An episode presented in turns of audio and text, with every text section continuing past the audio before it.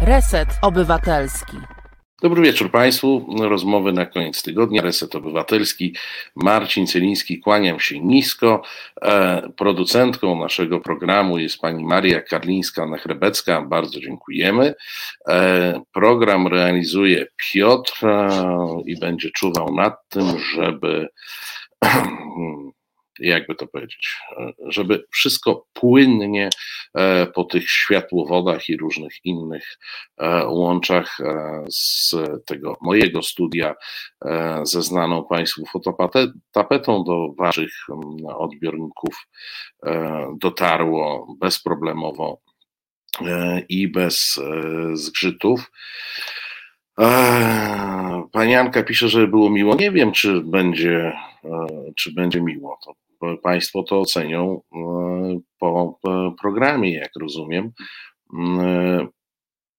E, no co, program mamy.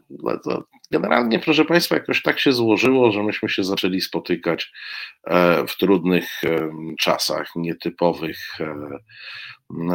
czasach, że zaczęliśmy się spotykać też i mam nadzieję, że tu nie ma jakiejś koincydencji, że dopadł gdzieś po drodze nas COVID, lockdowny i tym podobne.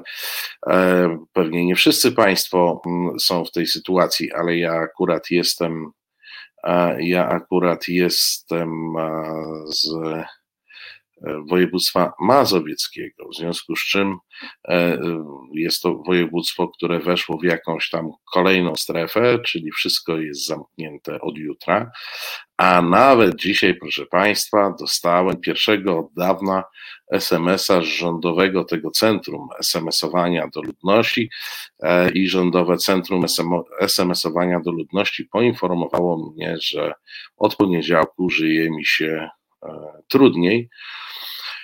No i co zrobić, jak e, nic się zrobić z tym fantem nie da. Bożena pisze, w czasach trudnych zbieramy się do kupy albo lgniemy do siebie i to jest właściwa i to jest właściwa. Trzeba, postawa, trzeba zbierać się do kupy, trzeba pomagać sobie. Ja zresztą Państwu do znudzenia powtarzam, musimy sobie pomagać, bo ten rząd nikomu pomóc poza sobą, może nie chce, a może po prostu nie jest e, w stanie. Mm, kolejne programy, jak e, widzicie, rządowe polegają na tym, że są zapowiadane z większym bądź mniejszym rozmachem i na zapowiedziach się kończy. No, chyba, że uznamy, proszę Państwa, że to E, co słyszymy o nieruchomościach niejakiego Obajtka, to jest element e, programu Mieszkanie Plus. Tam miał być chyba milion mieszkań, no to już e, o 15 o 15 mniej trzeba wybudować, przynajmniej na dzisiaj, bo nie wiem, ta E, e, ta, ta, ta sytuacja się zmienia. To jest rozwojowa, jak to mówią śledczy, e, i być może tych nieruchomości wybudowanych jest już więcej, czyli coraz mniejszy dystans będzie nas dzielił od tego miliona mieszkań z mieszkania. Plus tam jeszcze jakieś miały drewniane domy być. Nie wiem, już aż tak bardzo nie sprawdzałem, ile tam z tych domów Obajtka jest e, drewnianych, bo może i ten program e, właśnie, e, właśnie ruszył. Czekamy, proszę Państwa, na naszego gościa, na Marcina Dumę, który z jakichś przyczyn jeszcze nie wbiega do naszego, do naszego studia. Bo dzisiaj będę chciał jakby jak co jakiś czas ja tu Państwu proponuję ja tu proponuję Państwu rozmowę z tymi, z takimi magami od tych sondaży.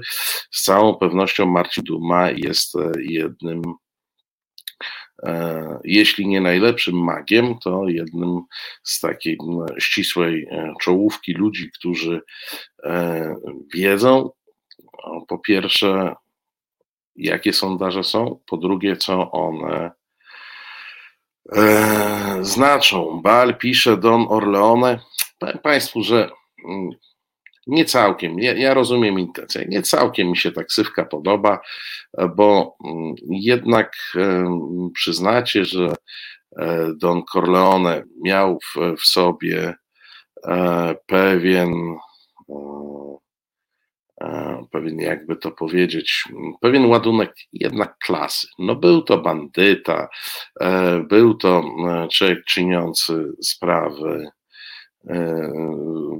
czyniący źle, natomiast e, kierujący się swoistym kodeksem, e, którego przestrzegał e, i na pewnym poziomie. Mam wrażenie, że tutejsi nasi naśladowcy ani żadnego kodeksu nie posiadają, ani też cienia klasy, która była widoczna w przypadku działalności, no przynajmniej tej, którą znamy e, z powieści Mario Puzo, czy, czy z filmu, z trzech części, tak, e, e, klasyki kina, jakim są trzy części Ojca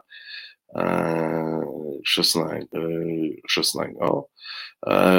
Pan Czesław pisze, z domów drewnianych proszę się nie śmiać, drewno już wycięte, a teraz się suszy. Mm, za 10 lat drewno będzie gotowe. No, nie śmieję się, natomiast jak mówi pismo, po owocach ich czynów poznacie ich. Albo jak wolicie świecką, należałoby rozwiązywać, jakby rozliczać z efektywności. Więc tak na pierwszy rzut oka to efekty są mizerne. E, Tomek pyta, czy on po prostu nie jest słupem dla innych spisu, po co mu tyle nieruchomości. Ja wczoraj cytowałem tego Suchara w programie e, Wojt, z, prowadzonym z Wojtkiem Krzyżaniakiem.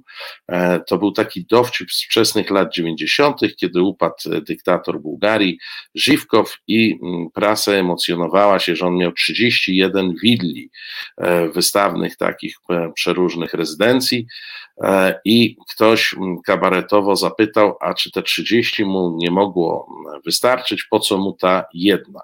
Więc ja myślę, że to nie jest dużo e, nieruchomości e, i przy 15 możemy spytać, czy 14 by mu nie wystarczyło, e, no ale widać nie wystarczyło, skoro nabył 15, a jeszcze raz powiem, to chyba nie jest jeszcze ostatnie słowo w tej sprawie.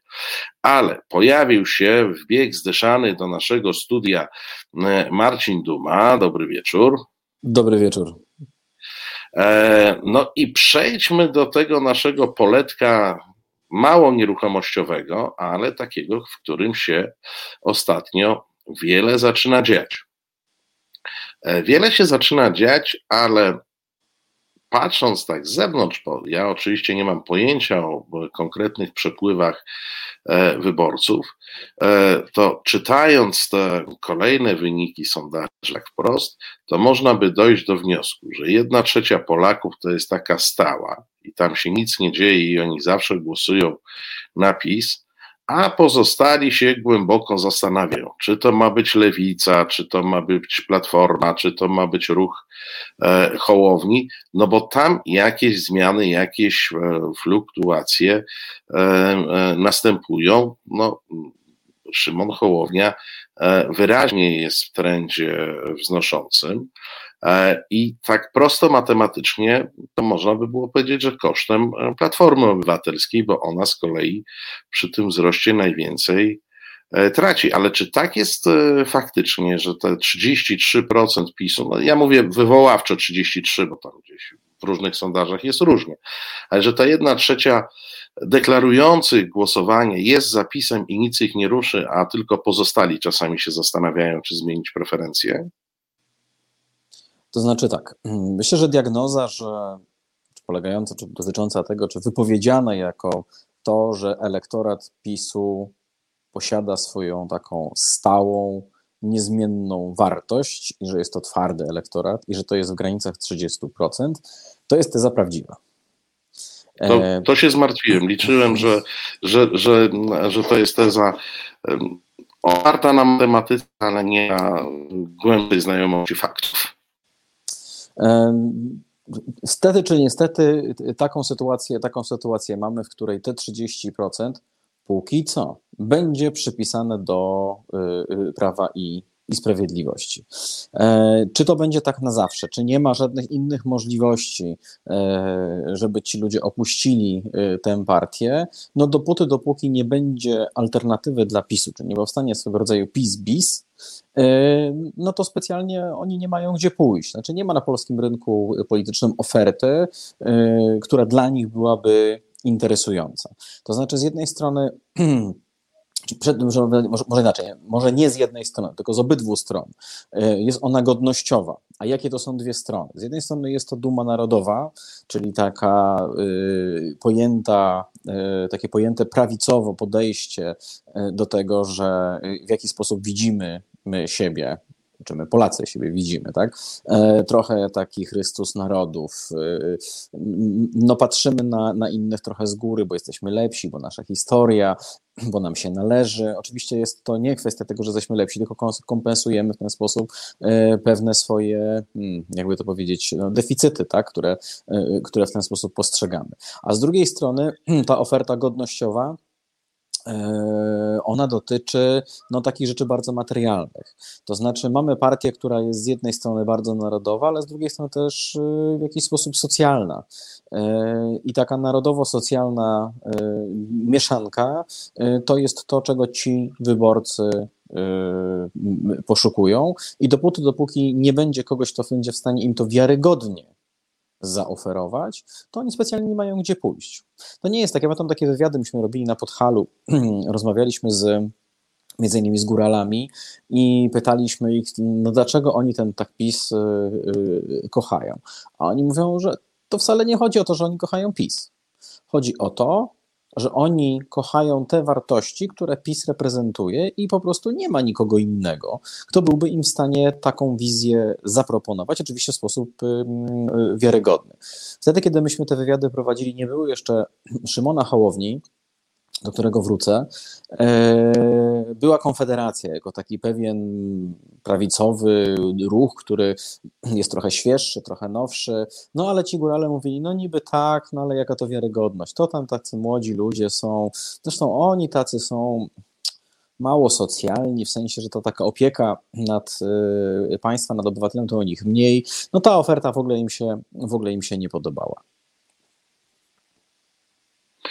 E, no dobrze, ale no, właśnie tu chodzi pytanie o, Hołownię, który jest e, fenomenem, choćby z racji tego, że jego e, sondaże rosną.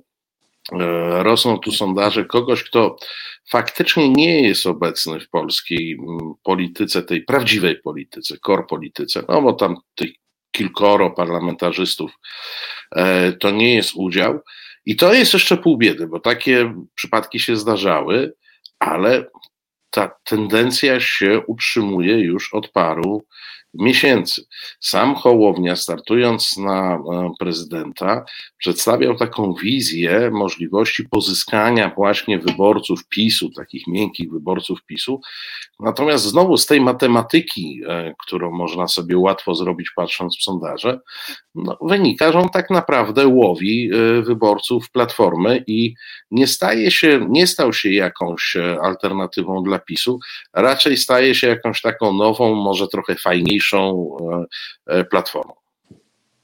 Mm, jeżeli przyjrzymy się temu, kto teraz, kto dzisiaj chciałby głosować na Szymona Hołownię, to w dużej mierze y, odkryjemy, a to znaczy odkryjemy, no, dowiemy się bądź potwierdzimy swoje przypuszczenia, że są to wyborcy innych partii opozycyjnych. E, w większości oczywiście są to wyborcy, byli wyborcy Platformy Obywatelskiej, e, ale są też tam wyborcy PSL-u, ci z 2015 roku, wtedy kiedy PSL tak uzyskał taki dość zaskakująco wysoki, wysoki wynik. E, do niedawna byli też tam wyborcy lewicy. Natomiast ci wyborcy lewicy, których Szymon Hołownia zdobył sobie w kampanii prezydenckiej, oni Szymona Hołownię na przełomie października i listopada opuścili. Czy Szymon Hołownia mm, ma szansę zdobyć... Ale czekaj, z czym, z czym no. to można wiązać, że akurat wtedy? Czy to jest kwestia jego postawy i, i, transferów politycznych, które były wyraźnie nielewicowe w którymś momencie, poza Hanną Gil-Piątek? Znaczy, Oddzielmy transfery, bo transfery to jest w ogóle osobna, osobna historia, e, mhm. jeśli chodzi o, o Szymona Hołownię. To, co się stało w październiku, na przełomie października, listopada, to kwestia aborcji, e, podniesienia tej konkretnej sprawy do rangi, do, do głównego głównego obszaru e, takiej walki e, politycznej, tak? bardzo wąskiego obozu pro-life i bardzo szerokiego wybozu, wyboru pro-choice, tak? czyli tych, którzy no, nie zgadzali się na zmianę obecne, obecnego prawa albo chcieli jego, jego liberalizacji. Postawa Szymona Hołowni spowodowała, że jego możliwości ułowienia na lewicy się wyczerpały. To znaczy ci wyborcy, którzy zagłosowali na niego w wyborach prezydenckich, jak zobaczyli, jakie jest jego stanowisko w zakresie aborcji, powiedzieli: O, kochany, dziękujemy bardzo, do widzenia, y, wracamy tam skąd, y, skąd przyszliśmy. Oczywiście to nie jest tak, że nie udało mu się dokładnie tym samym komunikatem pozyskać jednak czy być, stworzyć pewną wiarygodność dla, dla części wyborców takich konserwatywnych y, Platformy Obywatelskiej czy, czy PSL-u. Per saldo Szymon Hołownia wyszedł na tym y, dobrze. Y, dla lewicy była to szansa na na odbudowanie się i odbicie tych wyborców, który fatalny, fatalny wynik, poprzez fatalny wynik, e, czy może raczej, czego wynikiem było e, to, że e, ci, ci wyborcy odpłynęli i, i, i, Robert Biedroń dowiózł taki, no powiedziałbym, kiepski, fatalny, zły wynik, wynik wyborczy. Natomiast, tak jak tutaj wspomniałeś, okej, okay, Hołownia rośnie, ma, niby, niby nie jest obecny w polskiej polityce, a jednak rośnie. Jak dobrze pamiętam, na wszystkich możliwych badaniach y, i w trakcie kampanii prezydenckiej, tych takich, gdzie nasi badani wypowiadali się w sposób swobodny, e, czy takich badaniach, które były już po kampanii e, wyborczej, jak mantrę ci, którzy y, byli zwolennikami Szymona Hołowni, powtarzali, oj, bo on jest bezpartyjny, oj, bo on jest taki niezależny. I to im się strasznie podobało. To jest też wzmacniane przez pewną, pewne zmęczenie obecnym kształtem sceny politycznej, e, pewnym brakiem zaufania do mm, obecnej klasy politycznej, więc on jest beneficjentem tego, że go w tej polityce nie ma. E, oczywiście, że potrzebuje posłów do tego, żeby mieć e, możliwość e, jakby wypowiadania się w, w Sejmie, czy stwarzanie jakichś konkretnych sytuacji gry w obszarze, w obszarze parlamentarnym. Natomiast tak naprawdę on jest beneficjentem tego, że jest kimś spoza, że jest kimś, kto jest nowy, kto jest spoza tego PiS, PiS i antyPiS e, e, mindsetu.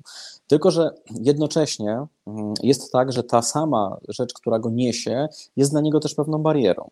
Jest barierą dla niego dlatego, że Szymon Hołownia e, zmaga się w pewien sposób z wiarygodnością mm, swoich obietnic. To znaczy, ludziom się podoba to, co on mówi, akceptują te wszystkie komunikaty, które on, które on wysyła. Oczywiście nie wszyscy, tak, ale mówimy o jego elektoracie, mówimy o jego potencjalnym elektoracie.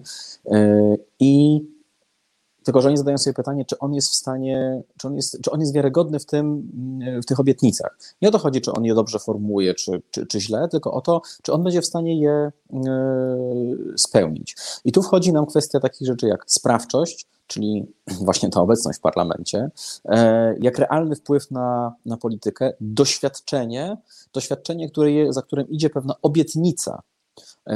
Obietnica tego, czy ja posiadam kompetencje, umiejętności, e, doświadczenie niezbędne do tego, żeby tę robotę e, wykonać. To jest trochę takie. Mm, zastanawiam się na tym, czy on ma właściwe referencje do tego, żebyśmy mu powierzyli to realizację tej, tej, tej obietnicy. Plan remontu Polski wygląda świetnie. Teraz jest pytanie, czy ekipa to dowiezie.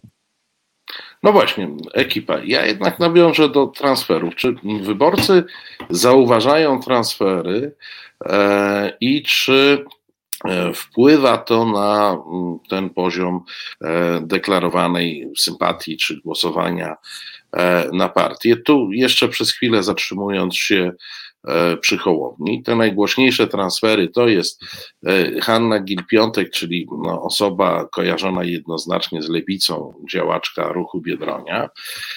E, to jest tylko, że osoba jakby w krajowej polityce dosyć nowa, dosyć nowy w krajowej polityce jest senator Jacek Bury, ale ten z kolei jest znany z dość konserwatywnego podejścia, no i przede wszystkim wytykane mu były mm, te mm, bardzo rozbieżne z programem e, Hołowni Ruchu 2050 e, podejście i głosowania w sprawach, e, w sprawach tak zwanej piątki dla zwierząt i generalnie problemu nie tylko hodowli zwierząt futerkowych, ale też in, innych przepisów dotyczących ochrony środowiska i traktowania e, zwierząt. E, no i Jan Mucha, która z kolei jest polityczną weteranką. Przecież była już e, ministrą w rządzie Donalda Tuska, jest posłem od wielu kadencji, więc to są osoby, które sobą wnoszą pewien bagaż polityczny. On może być dodatni bądź ujemny, które sobą też jakoś zmieniają wizerunek tego ruchu. Mm, czy te transfery miały istotne mm, znaczenie? E, o ile e, przejście pierwszej posłanki lewicy, e, no w zasadzie poza tym, że Szymon Hołownia ma pierwszego parlamentarzystę, y, żadnej innej wartości ze sobą nie niosły ze względu na słabą rozpoznawalność y, tej konkretnej y, posłanki. Niemniej jednak pozyskanie senatora Burego czy pani poseł Muchy, posłanki, no to to już jest zupełnie inna sprawa. Ja pamiętam, bo myśmy dokładnie wtedy prowadzili wywiady jakościowe i wyborcy zupełnie nie naciskani sami z siebie opowiadali o tym, że e, tutaj cytat, no bo on zaczyna brać takie śliwki robaczywki. E, śliwki robaczywki to te osoby, które zaprzeczają jego opowieści o nowej, świeżej polityce. E, to znaczy branie sobie takich polityków, którzy już byli, którzy byli ministrami w poprzednich rządach, no psuje tę opowieść Szymona Hołowni o nowej polityce, o nowej jakości, o zupełnie jakby nowym ludzie, o takim przewrocie kopernikańskim w polskiej yy, polityce. Że to wszystko, co było, to już musi odejść. Żadnej tej takiej polityki partyjnej, tak? żadnego kupczenia, a jednak jednocześnie kupczenia ma nie być a jednocześnie okazuje się, że e, tutaj gdzieś takie gry e, właśnie na, na pograniczu e, przeciągania, tak, czy nawet nie pograniczu, tylko wprost polegające na, na przeciąganiu parlamentarzystów, że to, cały, że to jest jakby na stole i, i też jest częścią tego, co Polska 2050 robi. Jeżeli chodzi o senatora Burego, to jeszcze tylko jest jedna rzecz. To nie jest tak, że y, jego przejście było jakoś takie specjalnie znamienne, natomiast gdzieś w, w tej infosferze przebiło się niespójność y, jego poglądów z programem partii, czyli oni, ci, ci nasi badani e, mówili, no tak, tak, no przyszedł tam taki, taki senator, no ale on, jak przyszedł, to się okazało, że on ma zupełnie inne poglądy. Oczywiście nie byli w stanie powiedzieć, w jakiej sprawie te inne poglądy były, e, kim jest ten senator, no może byśmy mieli ludzi z, z, z Lublina, e, to być może oni byliby w stanie trochę więcej powiedzieć, natomiast mieliśmy taki przekrojowy przekrojową grupę z różnych miejsc Polski, no i oni jakby troszeczkę mieli mniejszą świadomość e, takiej tej, tej konkretnej osoby, tego, tego konkretnego e, polityka. Niemniej jednak ta niespójność, tak, ten, ten rozdźwięk poglądów e, nowo, no, no, nowego nabytku politycznego i samego ruchu był i został dostrzeżony i to nie były pozytywne e, wydarzenia dla samego, dla samego, dla samego ruchu Szymona Hołowni. E, pytanie z czatu, a to jest pytanie, na które na pewno często musisz odpowiadać. Pytanie do gościa, jak to jest, że w jednym sondażu Polska 2050 ma 31%, a kilka dni później tylko 14%? Skąd się biorą aż tak duże rozbieżności?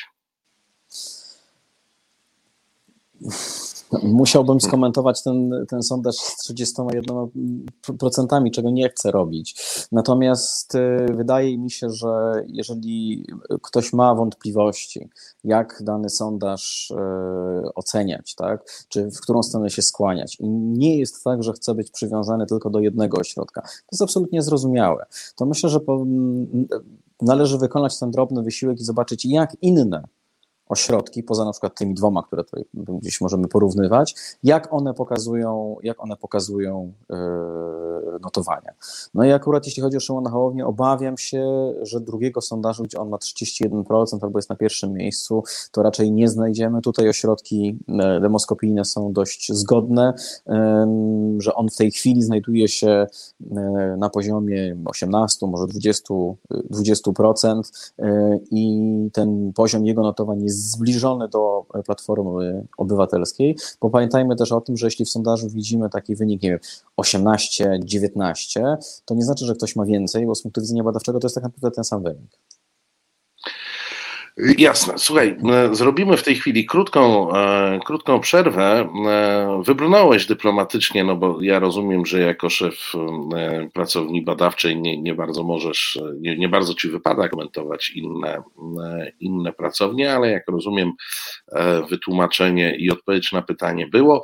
W tej chwili muzyczny oddech, ale nie uciekajcie Państwo, zaraz potem wracamy do tej rozmowy. Słuchasz Resetu Obywatelskiego. Reset Obywatelski działa dzięki Twojemu wsparciu. Znajdź nas na zrzutka.pl.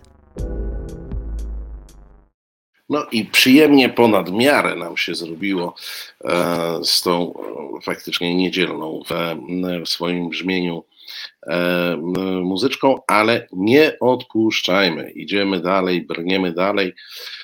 E, powiedz, Platforma. E, mówiliśmy przed przerwą o największym beneficjencie tych ruchów, e, jaką jest Polska 2050, no to powiedzmy o najbardziej tracącym. E, czy to się wiąże z tym, że mm, Polacy po raz pierwszy od lat poczuli, że jest jakaś alternatywa w tej takiej mm, centrowej, mówiąc pewnym skrótem myślowym, bo w Polsce to te kategorie politologiczne czasami są prowadzące na manowce. W tej w tym centrowej części opozycji to jest to, że Platforma, która wiarygodność straciła dosyć dawno, e, była główną siłą opozycji na zasadzie jakiejś takiej bezalternatywności.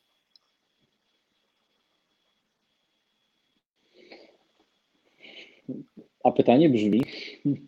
No właśnie, co, co powoduje, że platforma leci w tym momencie? No ja po, po, po, postawiłem jedną tezę z moich domysłów. Powiedz, co na ten temat mówią Polacy. Dlaczego im platforma przeszła? Dlaczego im platforma przeszła?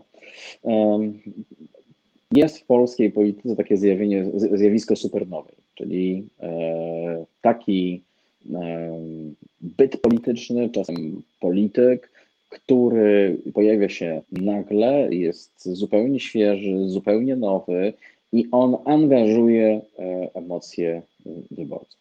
I jak spojrzymy sobie tak wstecz, to bardzo często bywa, mm, że ten, że ten kto traci na tym, to jest Platforma Obywatelska.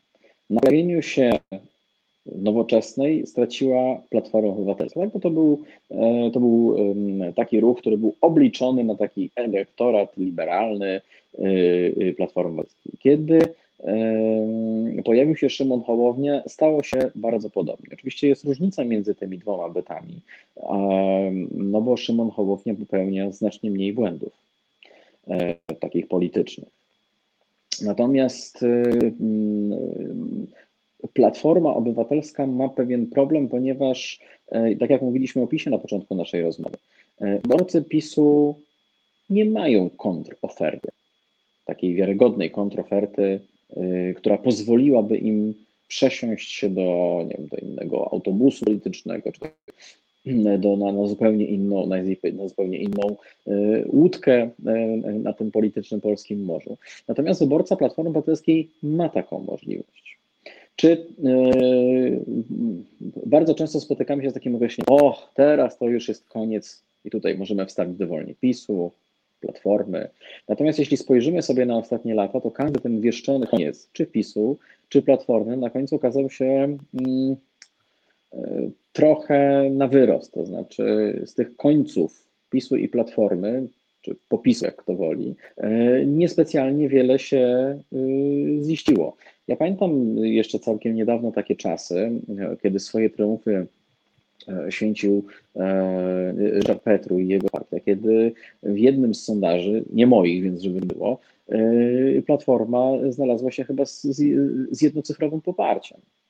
Więc yy, był taki moment, w którym oczywiście. Ale, ale przyznasz, wejdę ci słowo, mhm. przyznasz, że to były momenty. E, ja bym się z Tobą zgodził, jakbyśmy rozmawiali na wiosnę e, tego roku. E, natomiast tutaj mamy sytuację i w przypadku przykładów, o których mówisz, czy Plikota, czy Petru, im się nigdy nie udało bez wyborów, bez e, emocji utrzymać tego efektu supernowej, jak mówisz, tak długo. No, Hołownia jest już dosyć starą nie, supernową. Absolutnie. Absolutnie, absolutnie się tu z Tobą nie zgodzę. Jeśli spojrzymy na to, jak długo Petru y, utrzymywał tą przewagę nad Platformą Obywatelską, to tak jak on zaczął budować ten. Ale był w Sejmie, ale był, ale był w Sejmie.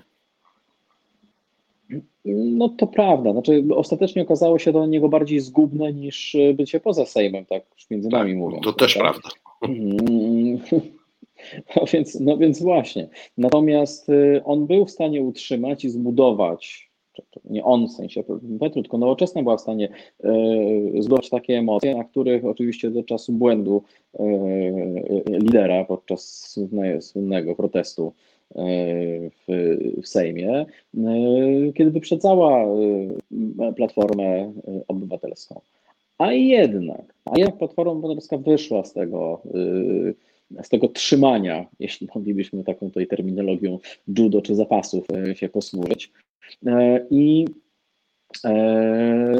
była w stanie wrócić na, na, na, na, takie pozycje, e, no chyba najlepsze, jakie mogła sobie tylko, tylko e, zbudować, tak, czy 20, no niemal 30, niemal 30%. Zdaje się, że więcej w tej chwili nie jest w stanie zbudować. Natomiast no, oczywiście... proszę Państwa, to... Mhm.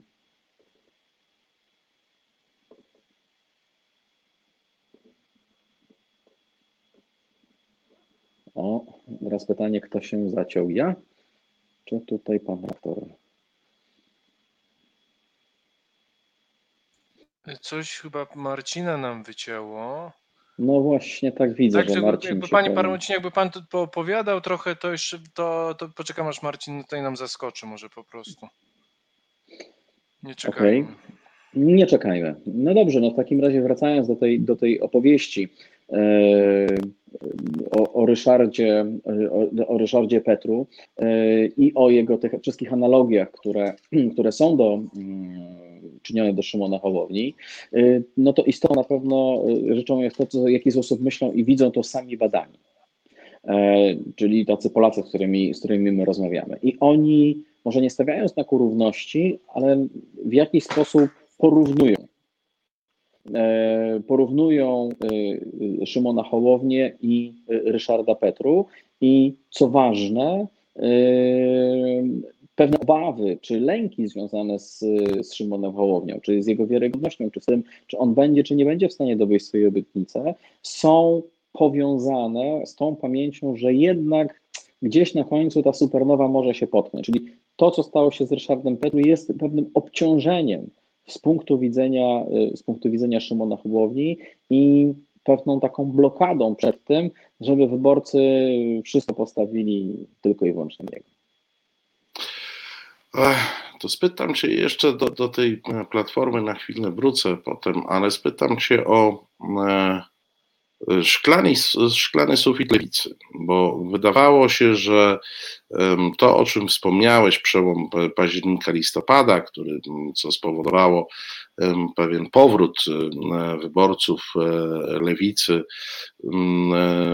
którzy byli u Szymona Hołowni i wracali gdzieś e, z powrotem w tamtą stronę, e, to jest cały czas sytuacja, w której e, lewica nie jest w stanie wybić się na porównywalną z Platformą czy Hołownią siłę polityczną, tylko cały czas oscyluje w, w, notowaniach, przy których dwucyfrowy wynik jest zawsze sukcesem. W Polsce nie ma większego potencjału na lewicę, po prostu 10% to szklany sufit, koniec, więcej nie będzie? No jeżeli spojrzymy na wynik y, wyborów y, z 2019, no to widać, że można zrobić więcej niż, e, niż, tylko, niż tylko 10%. Natomiast y, pytanie jest takie, czy lewica ma szansę kiedy, żeby myśleć o tym, żeby spróbować odważnie pomarzyć o np. o 20%. Jeżeli zastanawialibyśmy się nad taką konstrukcją, no to myślę, że e, niespecjalnie są na to warunki w Polsce. To znaczy, jeżeli zastanawiamy się nad tym, czy w Polsce jest pogoda na lewicę i czy jest możliwy, możliwy powrót lewicy do wielkości z czasów SLD, tego SLD z 2000, 2001 roku, e, to absolutnie nie ma na to, nie ma na to, nie ma na to warunków. Nie ma warunków na to dlatego, że zmienił się profil lewicy i zmienili się też yy, wyborcy lewicy. To znaczy, no my wiemy, ile jest osób, które deklarują, że są wyborcami, yy, że mają poglądy lewicowe. I tych osób, takich nie centrolewicowych, tylko lewicowych, jest w Polsce kilkanaście yy, procent. Co oczywiście nie znaczy, że oni wszyscy zagłosują na lewicę. Jakaś część e, tylko z nich e, chce głosować na, na, na, na to ugrupowanie, jakim jest lewica wcześniej rozbita, tak? Między SLD, wiosny i, i razem. E, no a dlaczego się tak dzieje? No dzieje się tak dlatego, że lewica opiera się nie tyle na wyborcach lewicowych, ile na wyborcach liberalnych to liberałowie są wyborcami y, lewicy, ci tacy socjalni y, liberałowie, to znaczy no, ludzie, którzy głosują za rozwiązaniami socjalnymi dla siebie. To są ludzie, którzy głosują za rozwiązaniami socjalnymi dla innych. No i kluczowe jakby jest zrozumienie, dlaczego oni głosują za rozwiązaniami y, socjalnymi dla innych.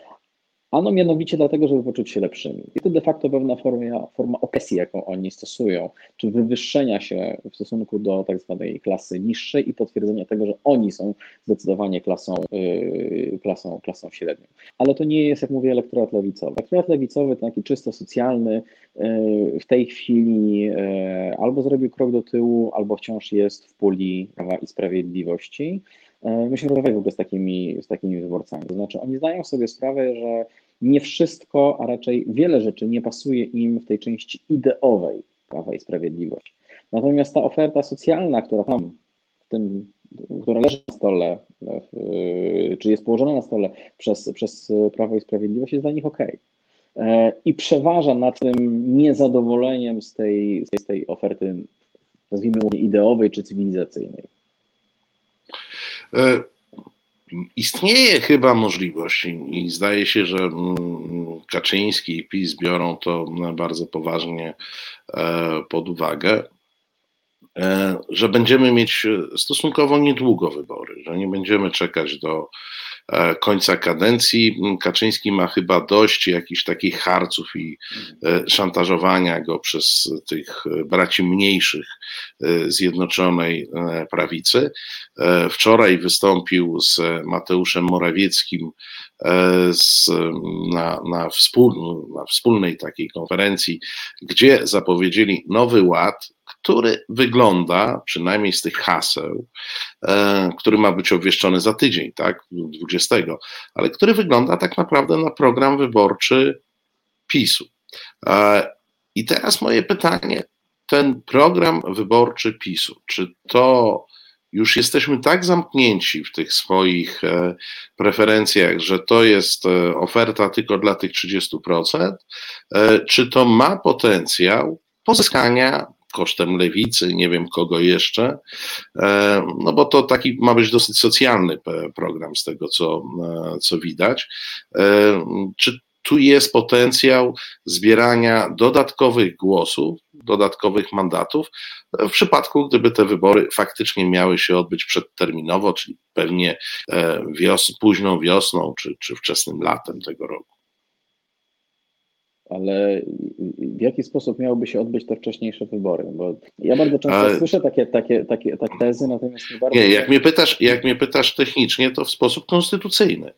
E, w, w momencie, Czyli? kiedy E, kiedy e, zgłoszone jest wotum nieufności wobec rządu i nie udaje się wybrać rządu następnego, natomiast zostaje przyjęte. No jest taka możliwość konstytucyjna. Okej, okay. okay. To tak, to, mm, to może kilka rzeczy. Po pierwsze, przejście tych trzech kroków w powołaniu, bo pamiętajmy, że to nie jest tylko kwestia upadku rządu, tylko następnie dwóch kroków w celu powołania nowego rządu.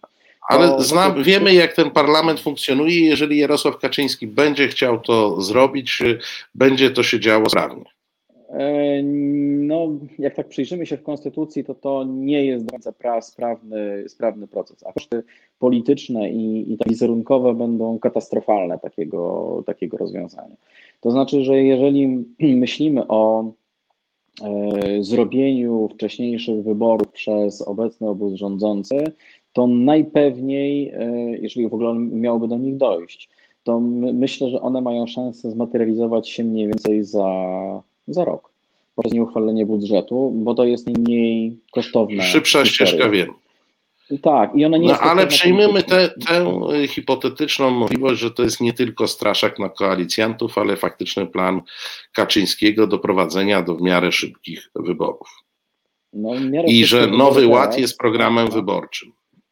E, czy on ma potencjał poszerzania wyborców, zasięgu PiSu, jeśli chodzi o wyborców? Dopóty, czy, pamiętajmy, w jakich my warunkach funkcjonujemy. Funkcjonujemy w warunkach pandemii.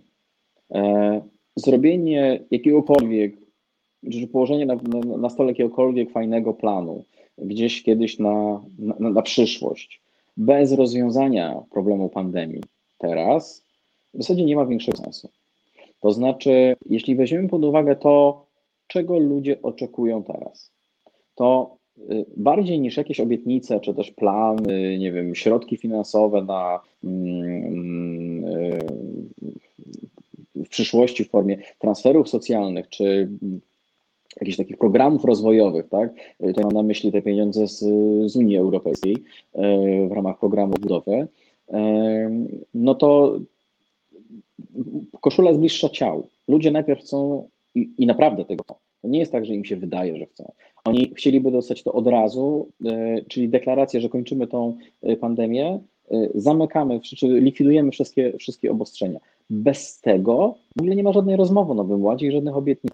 To znaczy, takie obietnice, one mają sens, ale tylko i wyłącznie, kiedy będą składane w oparciu o konkretne fakty związane z COVID-em dzisiaj teraz. Jeżeli założylibyśmy, że ta pandemia, przyjmijmy tą optykę późna wiosna, wczesne lato robimy, czy robimy, w Polsce odbywają się wybory. Jeżeli do tego czasu zostanie rozwiązany problem wirusa, no to wtedy oczywiście taki nowy ład może być jakimś takim game changerem, tak jak niektórzy komentatorzy używają takiego, takiego stwierdzenia. Natomiast dopóty to COVID, sytuacja covidowa nie zostanie rozwiązana, to naprawdę nie ma znaczenia, co, co w tym nowym ładzie y, będzie, bo te oczekiwania, które są na froncie tego, tak, na pierwszym, y, to są pierwszoplanowe z punktu widzenia, z punktu widzenia y, obywateli, nie dotyczą Nowego Ładu ani ich sytuacji. Sytuacja ludzi, jeśli tak się z nimi rozmawia, albo sytuacja firm,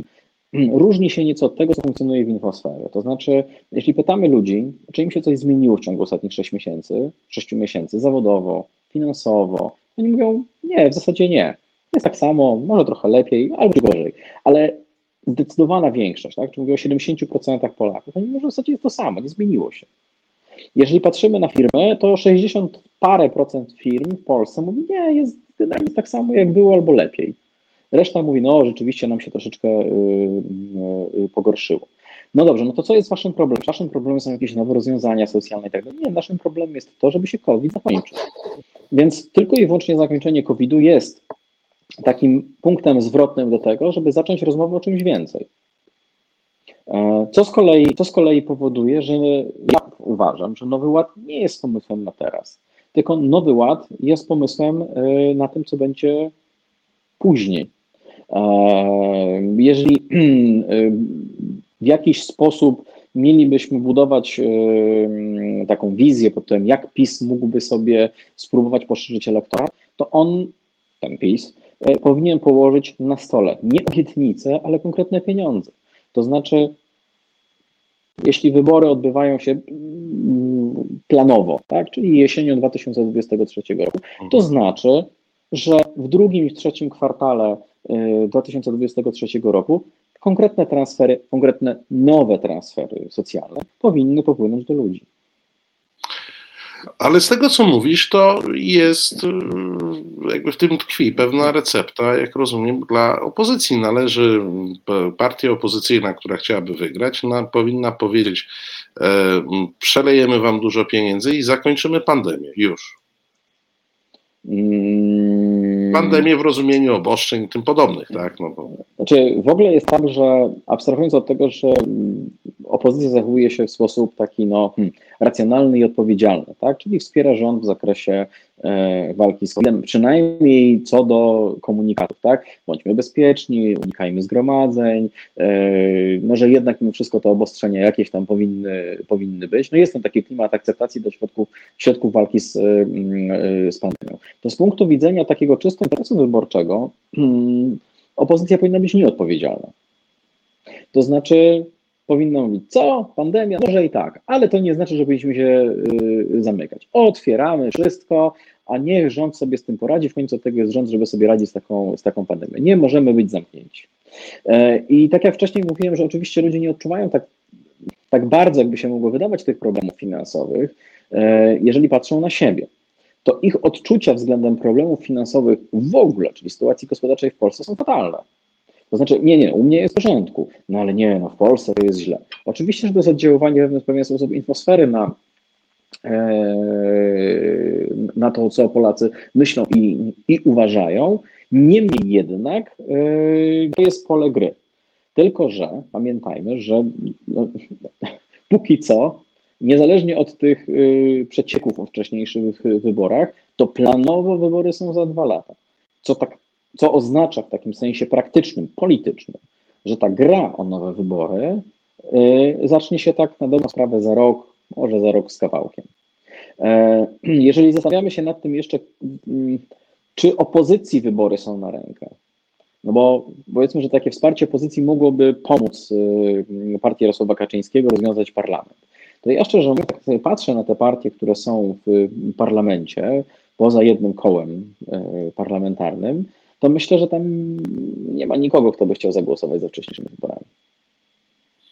No i tu akurat na poziomie politycznym to ja się z Tobą zgadzam. Tam chyba nikt nie chce tych wcześniejszych e, wyborów. Ja tylko biorę poprawkę na to, że jednak e, Jarosław Kaczyński e, coraz rzadziej, ale potrafi zaskoczyć.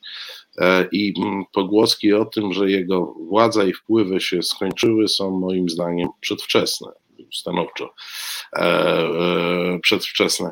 Natomiast powiedzmy jeszcze, nie pamiętam kto robił ten, to badanie dla Rzeczpospolitej, z którego wynikało, że Polacy mają kompletnie w nosie doniesienia na temat Obajtka, że ich to zupełnie nie kręci i nie ma na nich żadnego wpływu. E, czy jesteśmy już gremialnie, niezależnie od sympatii politycznych, zaimpregnowani, zaszczepieni e, na tego typu informacje i nie robią na nas żadnego wrażenia, kropka, nie wpływają w żaden sposób na nasze decyzje?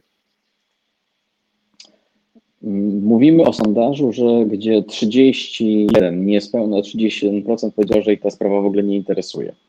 Mhm. E, tak, no 31 to nie większość, Zacznijmy od tej Ale największa grupa. A, Tak, to była, największa, to była największa grupa. Druga największa grupa mówiła, że to Obajtek jest świetnym menedżerem, ale to byli wyborcy PiSu.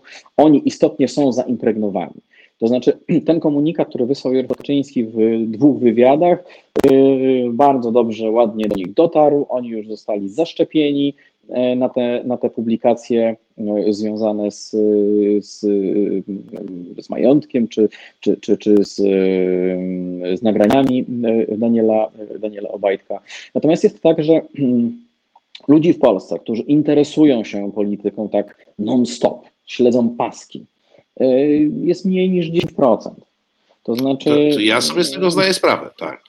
Więc trzeba też mieć świadomość, że tych takich ludzi, którzy są uzależnieni od tej polityki, jest w sumie, jest w sumie niewielu. Też trzeba pamiętać o tym, że e, to jest e, jakby taka kolejna, mm, kolejna taka publikacja e, Gazety Wyborczej, która wydaje się być przełomowa, a okazuje się być nieprzełomowa. To znaczy, są bardzo mocne materiały, jest y, ten cały cykl publikacji się ciągnie y, więcej niż jeden, więcej niż, y, więcej niż jeden dzień. To wszystko jest oczywiście przygotowane ze strony dziennikarskiej bardzo dobrze, natomiast efekty tego są mm, odmienne od założonych. Mam na myśli tutaj na przykład podobną sytuację z publikacjami dotyczącymi dwóch wież, czyli tych dwóch wieżowców, które miałyby być. I wydaje mi się, że jakby kluczowe jest też zrozumienie tego, że miejsce publikacji takich, takich informacji jest niezwykle kluczowe, czy jest niezwykle istotne. To znaczy, że jeśli coś pojawia się w gazecie wyborczej, to jakaś część wyborców, przykład wyborców PiSu to chyba oczywiste, tak? Od razu tą publikację odrzuca. Uważa, że ta publikacja jest działaniem złośliwym i na szkodę. W związku z tym ten sedno tej, tej, tej, tej, całej, tej, tej publikacji w ogóle ich omija. I to jest problem, to jest problem z tym, że polski rynek, polski rynek y, mediów w jakiś sposób bardzo mocno się podzielił.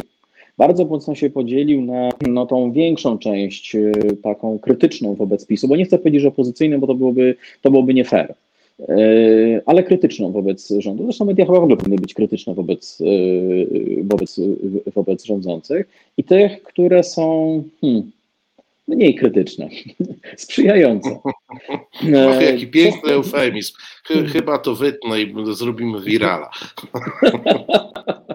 E, no, mamy taką część, część, część mediów, która rzeczywiście tak wspiera rząd w codziennym trudzie e, naprawiania i budowania Polski cegiełka po cegiełce. No i to jest troszeczkę tak, że one stanowią mm, taki punkt, e, takie oparcie bezpieczeństwa dla tych, którzy nie do końca chcą wierzyć w to, co, e, to, co pozostałe media, to, co pozostałe media piszą. Ja pamiętam takie badanie, ono nie jest najnowsze, które zrobiliśmy, ono jest z listopada 2019 roku, rozmawialiśmy z z wyborcami PiSu i wyborcy PiSu pytani, czy oglądają wiadomości. Tak, tak, tak, oglądają. Czy TVN oglądają? Oglądają TVN, oglądają, o dziwnie. No, no ale jak to oglądacie ten TVN? No i, cały czas głosujecie na PiS? No tak, tak, tak, my głosujemy no, na PiS cały czas, my oglądamy ten TVN, oglądamy, słuchamy, co oni tam mówią, potem, ogląd- potem wracamy do TVP, żeby wiedzieć, że w tym TVN to nakładali. E, I e, taką dużą, pewną, pewną rolą tych mediów e, sprzyjających, sprzyjających obozowi Zjednoczonej Prawicy jest właśnie tworzenie takiej sfery bezpieczeństwa, do której zawsze ten wyborca się może wycofać. Teraz tak, no wyszliśmy tutaj od tego sondażu, gdzie 31% osób mówiło, że w ogóle ich to nie interesuje. Mamy okres pomiędzy wyborami, po takiej dużej intensywności wyborczej, bo mieliśmy kampanię do Europarlamentu, mieliśmy wybory, yy, wybory do Sejmu, mieliśmy wybory samorządowe, wreszcie wybory prezydenckie. To był maraton. Wydaje mi się, że część, że część ludzi, pomimo tego, że oczywiście, że ta atmosfera polityczna wciąż jest bardzo napięta, że ludzie wciąż yy, gdzie ludzie wciąż są e, jakby tak bodźcowani tymi, tymi politycznymi newsami, oni jednak poszukują trochę schronienia. To znaczy oni wiedzą, że te wybory będą mniej więcej za dwa lata, plus minus, e, i do tego czasu chcieliby trochę odpocząć. Natomiast ta intensywność nie maleje. I teraz pytanie, na ile oni jednak rzeczywiście będą poszukiwali takiej swoistego schronienia przed, przed, przed, przed tym bombardowaniem coraz, to, coraz nowymi informacjami, takim, z, takiej, z takiej sfery politycznej, jednocześnie bardzo Y, bardzo emocjonalnej, że jednak może chcieliby się wycofać do pudelka, czy, czy do jakiegoś takiego bardziej lifestyle'owego życia, takiej innej banieczki informacyjnej. No, życie, życie w pudelku jest y, fajniejsze, kolorowsze i o, o, tyle ciekawsze, że większości z nas nie dotyczy, więc to życie, które nas nie dotyczy, jest zawsze najmilsze. E, bardzo Ci dziękuję za to dzisiejsze spotkanie. Proszę Państwa, Państwa moim gościem był Marcin Duba, e, szef e, Ibris. Mam nadzieję, że nam się zrobiło nieco jaśniej po tej rozmowie. Dziękuję Ci bardzo, dobrego wieczoru. Dzięki wielkie, miłego wieczoru, dobranoc. Proszę Państwa, muzyczny oddech przed nami, ale nigdzie nie uciekajcie, bo zaraz po chwili relaksującej muzyki wracamy. Słuchasz Resetu Obywatelskiego. Znudzeni mainstreamowymi newsami? Czas na Reset Obywatelski. Zaangażowane dziennikarstwo. No, proszę Państwa, Małpiak pisze, że miała być relaksująca i to był fake news e, przeze mnie wpuszczony, ale z muzyką w resecie, proszę Państwa, jest tak, że ja mówię relaksujące, a realizujący nasz e, Piotr e, Kurczewski wpuszcza to, co go relaksuje najbardziej. No to poznaliście, przy czym relaksuje się nasz realizator. Jak ktoś się nie, nie zrelaksował, znaczy nie jest realizatorem Piotrem. Tylko tyle to znaczy. Proszę Państwa, ale żarty się skończyły, zaczynają się sprawy poważne. Jak Państwo mm, e, wiecie, e, jak Państwo wiecie, ja z racji mm, różnych swoich e, aktywności czasami mm, bywam w sądzie. Tak się jakoś mi życie ułożyło. No ale dzisiaj trzymajcie kciuki, bo przed takim składem orzekającym jeszcze nie stawałem i mam pewną tremę. E, pani sędzia Jolanta Jerzewska i pani sędzia Marta Korzuchowska-Warywoda. Dobry wieczór. Witamy serdecznie. No dobrze. E, no to przełamuję tę tremę. I na szczęście, na szczęście dzisiaj będziemy więcej mówić o edukacji e, prawnej niż e, w tematach jakichś szczegółowych, przynajmniej taką mam nadzieję. Jutro jest Dzień Edukacji Prawnej, e, którego są panie wydarzeń organizowanych przez Stowarzyszenie Sędziów Justycja i Fundację Edukacji Prawnej pod tą samą nazwą Justycja, współorganizatorkami no, animatorkami, a także mm, występujecie w jutrzejszych wydarzeniach. Możecie powiedzieć, po co robicie ten Dzień Edukacji Prawnej? E, większość populacji w życiu nie ociera się o sąd i w życiu nie ociera się o jakieś e, sprawy związane ze sporami prawnymi, takimi czy innymi. E, ja jestem wyjątkiem w tej populacji, więc może e, nie trzeba sobie prowadzić tej edukacji, nie trzeba, nie trzeba się tego uczyć. Przecież od tego są sędziowie, prokuratorzy, adwokaci, dajcie spokój. To może ja zacznę. E, po pierwsze, to jest tak, że często właśnie brak tej edukacji i świadomości powoduje, że jednak musimy się przed tym sądem stawić. To często dotyczy właśnie bardzo młodych osób, do których przede wszystkim kierujemy nasze działania edukacyjne i dzięki temu też chcemy temu zapobiegać. E, po drugie, myślę, że wydarzenia ostatnich tygodni, miesięcy, ostatniego roku pokazały, że tak naprawdę prawo wchodzi we wszystkie dziedziny naszego życia i tak naprawdę zwykły obywatel mógł zostać dotkliwie ukarany za to, że nie miał maseczki, zarówno przez e, policję, jak i przez sanepid na przykład. Prawo w pewien sposób zaczęło ograniczać prawa obywatelskie w związku z pandemią i na przykład młody człowiek z dnia na dzień dowiadywał się, że nie może opuścić mieszkania do godziny 16 i pewnie nie jeden z tych młodych ludzi zaczął się zastanawiać, a dlaczego, a jakim prawem. No i myślę, że ostatecznie wszystko to, co dzieje się w kwestii prawnej w tej chwili w naszym kraju, ten cały chaos powoduje, że chcąc, nie chcąc, zaczynamy się zastanawiać, e, dlaczego rzeczywistość wygląda tak, a nie inaczej, kto ma rację i to prawo po prostu weszło z butami do naszego życia. Myślę, że Jola się ze mną zgodzi. Mhm.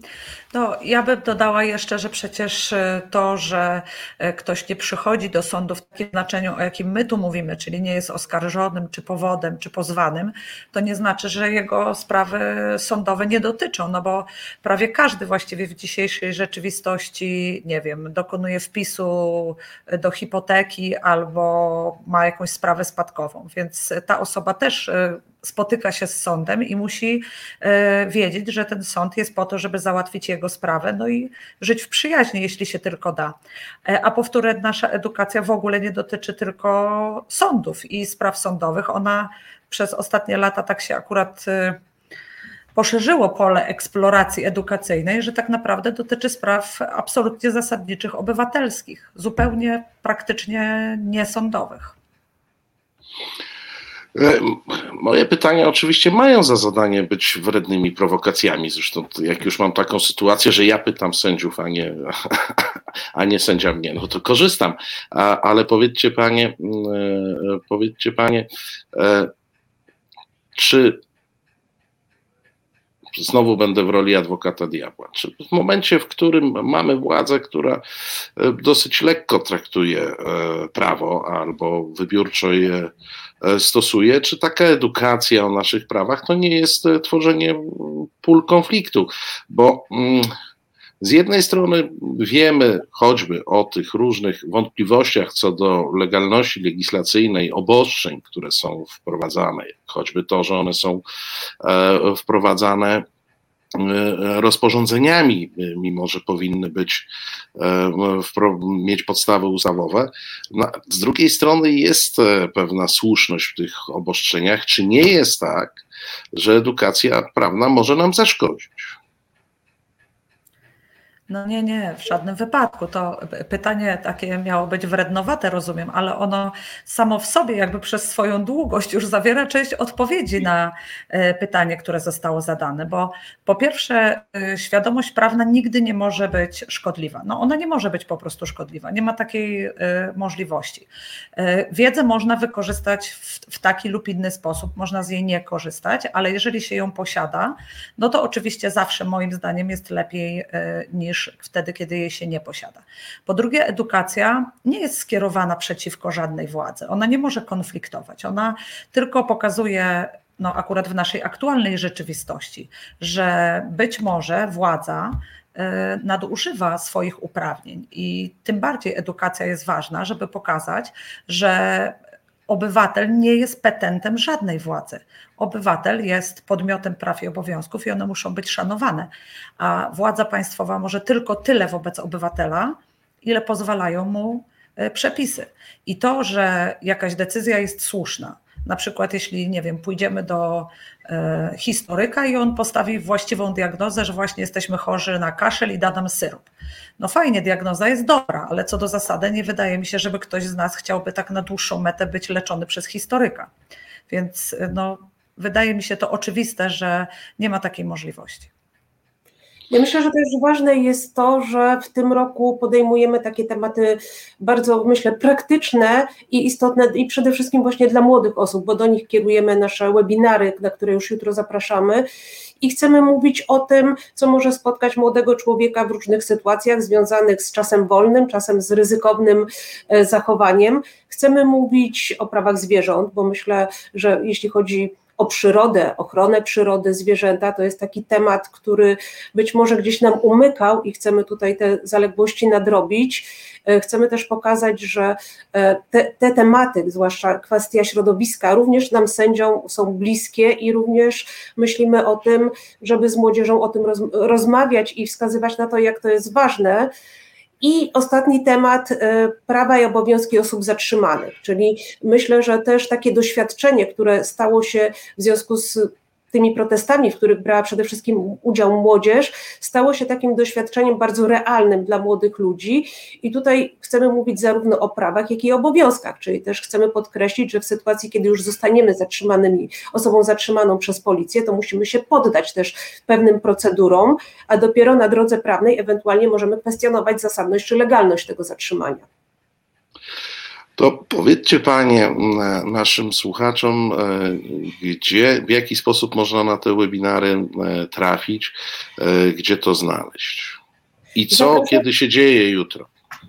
Zapraszamy na stronę Fundacji Edukacji Prawnej. E, można się rejestrować mailowo i wtedy wysyłamy link do webinaru, e, w którym można aktywnie uczestniczyć, ale również można te, będzie te e, nasze webinary, nasze rozmowy odtworzyć po prostu na Facebooku za pośrednictwem profili Stowarzyszenia Sędziów Polskich Justicja, za pośrednictwem Fundacji Edukacji Prawnej. Nasz partner, wydawnictwo Walters Kluwer, też szykuje cykl artykułów, właśnie między innymi jak odwołać się od mandatu. I powiedzcie, o, o której co się dzieje. No dobrze, to może ja. Najpierw o 10 będziemy my z panią sędzią Korzuchowską obecną tutaj e, udzielać e, porad na e, dowcipny wydaje nam się temat zabawa, zabawa, czyli podręcznik rozsądnego mm, imprezowicza, ale oczywiście tytuł jest trochę przewrotny, bo tak jak powiedziała pani sędzia, przede wszystkim chcemy pokazać to, co my jako karnistki widzimy już na sali rozpraw, czyli takie sytuacje, w których wydawałoby się tylko niefrasobliwość, jakaś y, drobna nieroztropność przywozi, przy, y, powoduje no, ogromne niebezpieczne konsekwencje i sprowadza ludzi na y, salę rozpraw, czy to jako obwinionych, czy to jako oskarżonych. Tuż po nas o godzinie 11.15, Marta, jeżeli mówię złą godzinę, to popraw mnie proszę, Mm, pani e, adwokatka Karolina Kuszlewicz i e, e, pani socjolog Elżbieta Albin-Piotrowska będą rozmawiać o prawach zwierząt. Ta rozmowa też mi się wydaje być szalenie ciekawa dla młodych ludzi, właśnie z racji tego, że to oni głównie będą za te 20, 30 czy 50 lat żyć na świecie, który eksploatujemy nieco ponad miarę. I wreszcie o godzinie 12.15 tak, 12.15 e, pani sędzia Monika Ciemięga e, porozmawia z panem sędzią e, Igorem Tuleją właśnie na temat zatrzymań i no, takich form e, opresyjnych, które może stosować wobec nas e, policja czy organy ścigania w ogóle. E, to tyle. Wszystkie one będą prowadzone przez nas i będzie można je oglądać na żywo, będzie można zadawać pytania, a ci, którzy się nie zarejestrują, bo nie zechcą albo zabraknie dla nich miejsc, będą mogli obejrzeć je na Facebooku po prostu, a więc nawet nie w czasie rzeczywistym, tylko wtedy, kiedy będą mieli na to chwilę. Zapraszamy serdecznie bardzo się starałyśmy, żeby staraliśmy, e, żeby te webinary były e, ciekawe e, i mm, podane w takiej formie, mam nadzieję, atrakcyjnej. Czy to się uda, zobaczymy jutro, ale proszę dajcie nam szansę. Mam nadzieję, że będziecie Państwo zadowoleni z naszej pracy. My oczywiście też bardzo serdecznie zapraszamy, szczególnie, że jak część z Państwa wie, jesteśmy jednym z patronów medialnych tych e, wydarzeń. Zachęcamy do rejestrowania się, a na pewno do e, oglądania, bo wiedzy, e, wiedzy nigdy dość. Państwo zresztą o tym piszą na czacie. Ale to nie jest, proszę Państwa, koniec atrakcji edukacyjnych na jutro, bo nie tylko Dzień Edukacji, o którym mówiliśmy, jutro będzie, ale także zacznie się seria Dni edukacji prawnych, takimi dniami w resecie będzie poniedziałek, kiedy moje gościnie e, będą z nami rozmawiały każdy poniedziałek o godzinie 21. Właśnie, o czym będziecie panie z nami rozmawiały? No cóż, e, jutro porozmawiamy o Dniu Edukacji Prawnej, chociaż to nie jest szczególnie fortunne określenie, bo Dzień Edukacji Prawnej jest takim e, dniem koronującym naszą całą działalność edukacyjną, ale ona trwa tak naprawdę przez okrągły rok, bo i fundacja pracuje okrągły rok i też Sędziowie e, w całym kraju pracują przez e, cały rok i są bardzo chętni do tego, żeby edukację prowadzić. E, ten program ma mieć formułę otwartą, czyli nie możemy Państwu dziś powiedzieć, o czym będziemy mówić za miesiąc czy dwa, ponieważ tak ustaliliśmy, że będziemy starać się być na bieżąco z wydarzeniami. Nie wiemy, co się wydarzy, ale oczywiście będziemy też starać się trzymać pewnego trzonu którym jest edukacja, właśnie, edukacja prawna. Chcielibyśmy zapraszać ludzi, których Państwo chcielibyście usłyszeć i rozmawiać z nimi na rozmaite tematy takie, e, które poszerzą e, Państwa wiedzę. I z tego punktu widzenia bardzo ważne jest, żebyście Państwo e, swój głos do nas skierowali. I już dzisiaj możecie nam Państwo sugerować, e, co tematem naszych rozmów e, być powinno. A my, oczywiście, jeżeli tylko będzie to możliwe, a myślę, że będzie na pewno, to postaramy się te tematy prowadzić po prostu. Ja myślę, że też e, będzie nam zależało na tym, żeby otrzymać od Państwa odzew, jak Państwo postrzegają nas, sędziów, jak Państwo postrzegają instytucje sądu i będzie nam zależało na takim sygnale, co z Państwa perspektywy powinno zostać zmienione, co mogłoby być zmienione, co jest dla Państwa opresyjne i myślę, że e, ta audycja będzie taką wymianą doświadczeń z dwóch stron, bo my oczywiście możemy dużo mówić o edukacji prawnej, o bieżących tematach, ale nie mamy tej wiedzy, jak państwo, jakie są Państwa doświadczenia i zderzenia z wymiarem sprawiedliwości, a myślę, że dla nas sędziów, bo myślę, że i sędziowie będą nas oglądać, to będzie bardzo ciekawe doświadczenie. Mhm. Proszę Państwa, proszę. E, chciałam tylko powiedzieć, bo Marta uprzedziła nasze rozmowy, że e, chciałybyśmy zaproponować Państwu e, tak na próbę zreformowanie naszego wymiaru sprawiedliwości. Nie udaje się to, jak widać, rządzącym ani jednym, ani drugim, ani trzecim. Wobec tego pomyślałyśmy, że może należałoby oddać tę reformę w ręce praktyków, czyli sędziów, adwokatów, prokuratorów, radców prawnych, ale też przedstawicieli innych zawodów prawniczych, no i tych, którzy, tak jak Marta powiedziała, powiedziała słusznie, stają się tymi e, ofiarami wymiaru sprawiedliwości i tego, co e, obywatelom się w nim nie podoba, czyli właśnie e, obywatelom. Spróbujemy to zrobić i mamy nadzieję, że będziemy mieć większe sukcesy niż inni dotąd. Miejmy nadzieję, proszę Państwa, od jutra, w każdy poniedziałek, prawoteka e, od godziny 21 do 22 w resecie obywatelskim.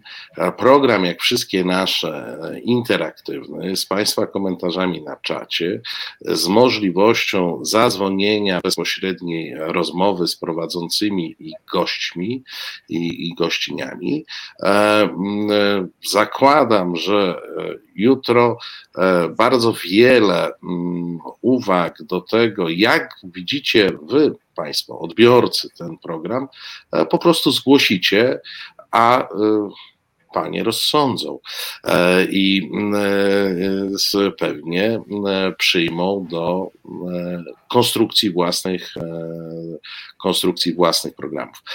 Bardzo dziękuję, że znalazły panie czas dzisiaj, bo wiem, że jutro duży dzień, wielki dzień, zadania i na pewno musicie się przygotowywać, e, no więc cieszę się, że znalazłyście chwilę czasu, żeby do nas e, zajrzeć. No i co? Za 24 godziny z okładem e, widzimy się z powrotem, tym razem już panie w roli gospodyń tego pasma, a nie gości. Dziękuję pięknie, dobrego wieczoru. Dziękuję, Dziękuję bardzo. Do zobaczenia.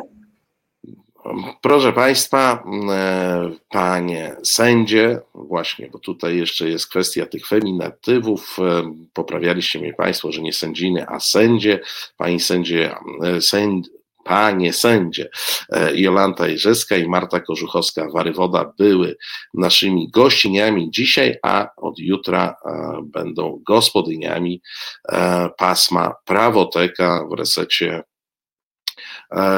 obywatelskim, e, więc już e, rozumiem, że panie się szykują do tego programu i my też możemy jako widzowie zacząć się do programu szykować.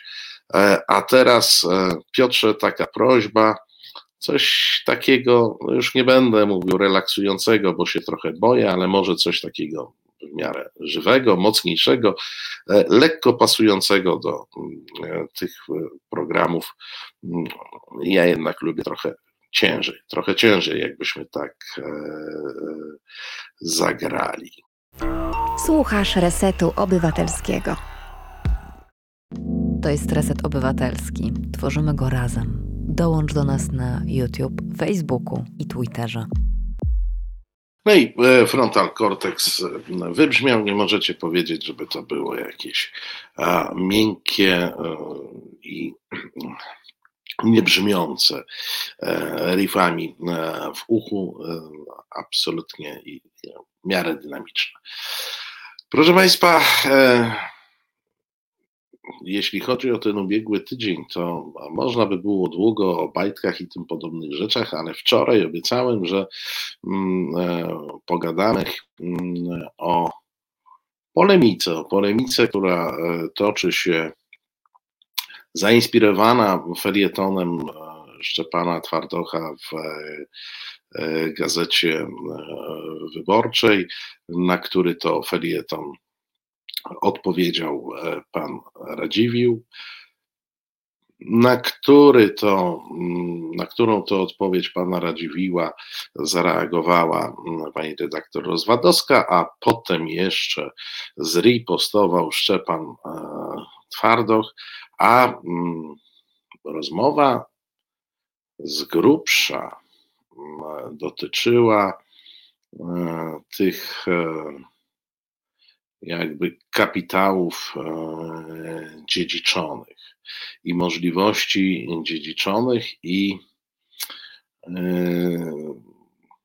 jakby to nazwać, no przewag, jakie mają e, tacy Radziwiłowie, mówiąc pewnym skrótem, nad twardochami. Liczę na to, że na, na Wasz aktywny udział, bo te, te dyskusje bo te dyskusje e, tego e, e, są dobre, kiedy jest, kiedy jest wiele stron. Ja oczywiście powiem, co myślę. Uwaga, będę mówił, co, co myślę. Robert Jakub pyta, panie redaktorze Marcinie, czy pan lub inni, inni resetariani należą do SDP? Nie, nie. nie. Ja na pewno nie wedle mojej najlepszej wiedzy mm, e, żadna z koleżanek ani żaden z kolegów e, e, na pewno nie należą do SDP. Być może kiedyś należał, ale to w przeszłości żeśmy każdemu nie badali. No trzeba przypomnieć, że SDP kiedyś było Stowarzyszeniem Dziennikarzy Polskich, a w tej chwili jest mm, Stowarzyszeniem Dziennikarzy, nie wiem czy dziennikarze to dobre słowo. No, Stowarzyszeniem Pracowników Prasy związanej z PiSem przede wszystkim. I ja rozumiem, do czego Państwo mm, e, piją, e, do znanego eks-księdza, który się pochwalił legitymacją dziennikarską. No co mogę powiedzieć? No, gdybym powiedział, że pan mm, Miedlar nie pasuje do tego towarzystwa, to bym skłamał. No, pasuje. E, pasuje i, i jakie stowarzyszenie tacy dziennikarze. E, nie chcę nad tym e, rozwodzić się zbyt długo, to jest, to jest żenujące. To jest żenujące. Nie wiem, czy pamiętacie, ale lata temu niejaki Samuel Pereira próbował zapisać się do SDP i wtedy mu odmówiono, wskazując, że nie jest e, dziennikarzem, nie spełnia pewnych kryteriów. No i jak widać, kryteria w międzyczasie się zmieniły i teraz już każdy może być członkiem e, SDP, byleby odpowiednio mocno popierał PiS i tym podobne e, i tym podobne pomysły. Proszę Państwa, ale wracając do ciekawej dyskusji, bo ja uważam, że my w Polsce za mało dyskutujemy na mm, takie tematy e, mm, poniekąd tożsamościowe, a jeśli już ta dyskusja się pojawia, to najczęściej w jakimś mm, anturażu partyjno-politycznym, e, który e, powoduje odrzucenie kryteriów dyskusyjnych na rzecz kryteriów na rzecz kryteriów, e, powiedziałbym, bardziej korzyści dnia dzisiejszego, tu i teraz, kto wygra konkretną bójkę na jakiś temat, mm, to ta polemika, która na łamach Gazety Wyborczej toczy się, bo pewnie jeszcze nie jest zamknięta, jest na pewno ciekawa. E, mam z nią pewien problem, bo jest e, w dużej mierze polska. A co rozumiem przez słowo polska?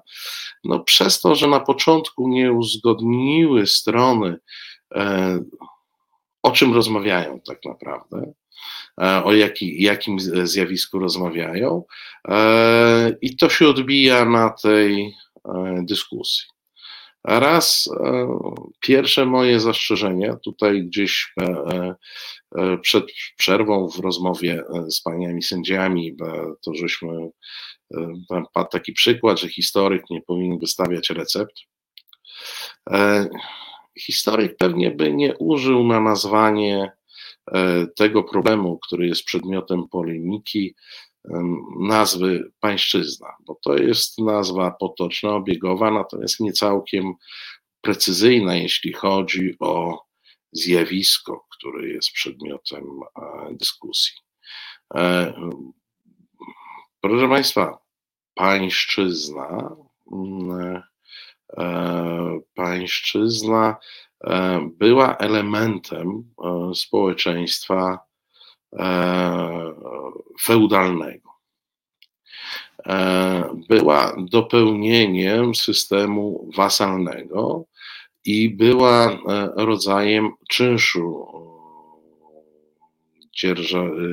dzierżawnego, jaki dzierżawca E, jakim dzierżawca wypłacał się za ziemię e, dzierżawiącemu. E, w strukturze Europy Zachodniej bardzo ważnym elementem było jeszcze to, że mm, taki feudał, któremu, któremu świadczono pańszczyznę, obejmował także opieką militarną, powiedziałbym, polityką bezpieczeństwa e, tych e, Włościan, którzy e, pańszczyznę odrabiali. I to jest pańszczyzna sensu stricte. Zjawisko, o którym, które pobudziło tę dyskusję, mm, jest nie powinno się nazywać e, pańszczyzną, jest taką polską czy środkowoeuropejską e, formą, e, w którą pańszczyzna się przekształciła. Kiedy przestała być, kiedy przestała być pańszczyzną jako taką, a zaczęła być formą E, zniewolenia.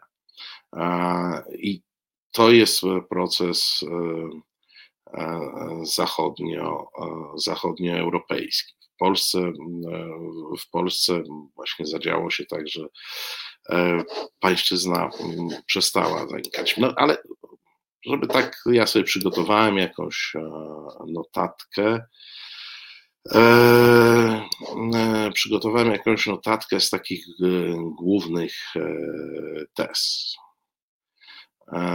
Pan Szczepan Twardoch postawił tezę, z którą można do jakiegoś stopnia się zgodzić, że potomkami panów jest inteligencja dominująca w polskim życiu i politycznym od 100 lat, E, owszem, kooptująca do swych szeregów hamów, przyjmujących wtedy fałszywą świadomość pańskiej dystynkcji i systemy wartości.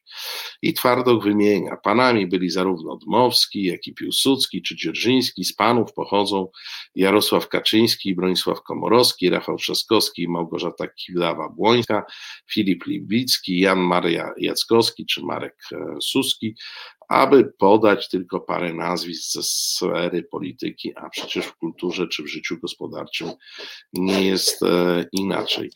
No, jest w tym, e, proszę Państwa, e, dużo racji, ponieważ fenomen środkowoeuropejski, jakim jest warstwa inteligencji, to jest warstwa, która była tworzona przez bardziej bądź mniej e, zubożałą e, szlachtę, e, która w wykształceniu i takiej aktywności znajdowała jakąś ścieżkę ucieczki od własnej marginalizacji, malejącego statusu społecznego. E, czy e, faktem jest, że inteligencja odziedziczyła Tylko to, to, jest, to jest do jakiegoś stopnia dyskusyjne, czy było to proste dziedzictwo szlacheckości, czy, czy to było um, jednak w większej mierze poczucie własnej wyższości wynikającej z, z wykształcenia, bycia i no, tej e, misji, która taka bardzo mocno się zaznaczała e, w tych postawach przez kolejny okres misji e, niesienia kaganka oświaty, no przecież to jest bardzo wyższościowe, e, e, w edukacji właśnie, to też jest wyższościowe, bo to zakłada od razu, że my jesteśmy tutaj jakaś inteligencja lepsza i pod te strzechy z czymś trafimy do tych lekko gorszych. To są tematy, na które można by było rozmawiać godzinami, ale tutaj oczywiście, gdyby chcieć polemizować z Twardochem, to e, tekst pana Radziwiła e, nie sądzę, żeby zgodnie z intencjami autora, ale ni mniej, ni więcej punkt po punkcie zaczął potwierdzać tezy Twardocha, co mnie strasznie, e, strasznie E, ubawiło. E, ja myślę, że to wynika z tego, że pan Radziwił nie rozumie pewnej, e, pewnej zabawności wygłaszania przez niego tez. No ale pominę to wszystko, gdzie on z, wymieniając swoich atenatów przeróżnych i e, podkreślając, e, co to znaczy prawdziwy arystokrata, potwierdza wszystkie tezy Twardocha, no bo to już potwierdzenie e, tez Twardocha nie jest, nie jest jakąś polemiką. Mm, ale co pisze, mm, co pisze pan Radziwiłł? Pańszczyzna oceniana jest według dzisiejszych kryteriów, podczas gdy w społeczeństwie stanowym miała swoje uzasadnienie, bo każda warstwa miała swoje e, zadania. No, miałby rację, gdyby nie miał racji. Tak, tak bym powiedział. Proszę Państwa, tak, pańszczyzna w społeczeństwie stanowym miała swoją rację bytu i była elementem e, tych relacji feudalnych, które pozwalały budować gospodarkę średniowieczną. E, czyli relacji e, wasalnych, pańszczyzna była elementem relacji wasalnych. Z tym, że mniej więcej w XV wieku, kiedy udoskonalono i narzędzia, i sposoby produkcji rolnej, to o czym historycy często piszą, że pańszczyzna była takim sposobem e, na produkcję rolną w momencie, w którym ona wymagała wielu rąk do pracy, zaczęło tracić sens. E, dlatego też pańszczyzna na Zachodzie od XV wieku zaczęła zanikać, a czynsz e, dzierżawny, E, który, którym był ten odrobek na e, polach należących do jakiegoś tam właściciela, e, zaczął ewoluować i zaczął być albo towarowy, czyli po prostu za dzierżawę płaciło się częścią produkcji, albo z czasem pieniężny, razem z upoważnieniem, z, z upowszechnieniem się pieniądza. W naszej części Europy z upowszechnieniem się pieniądza szło e, słabo, e, natomiast pańszczyzna zaczęła ewoluować e, w zupełnie odwrotnym kierunku, to znaczy w kierunku niewolnictwa. Ponieważ, co też trzeba powiedzieć, na Zachodzie pańszczyzna nie wiązała się z ograniczeniem wolności osobistej. Czyli mówiąc e, najkrócej, taki e, włościanin, który od, odrabiał tam w, w, polu pańskim swoją dzierżawę ziemi, w każdej chwili mógł to rzucić w, w, wszystkie diabły i sobie pójść i poszukać szczęścia gdzie indziej. W Polsce natomiast od XVI wieku wolność e, osobista chłopów była ograniczana. Z czasem oni nie mogli bez zgody tego swojego pana zrobić nic, to znaczy nie mogli zmienić miejsca zamieszkania. I jeśli już, to mogli uciec, za co byli ścigani. To było przestępstwo. Z tych ucieczek powstała kozaczyzna, z tych ucieczek, ucieczek powstały takie różne Mm, w zasadzie poza prawem i poza przestrzenią e, osady e, leśne, które, mm, no bo to była jedyna droga do jakiejś wolności osobistej. I proszę Państwa, wtedy, kiedy mm, e, w Polsce formalnie zacieśniano, zacieśniano pańszczyznę, to Zygmunt Stary, który ją usankcjonował na poziomie państwowym. Ona wcześniej e, była na poziomie bezpośrednich relacji, powiedzielibyśmy dzisiejszym e, językiem relacji cywilnych umowy e, chłopa z tym panem, to raptem stała się w prawie państwowym i wtedy zresztą zwiększono bardzo mocno pańszczyznę, bo z kilku dni w roku raptem się zrobił jeden dzień w tygodniu.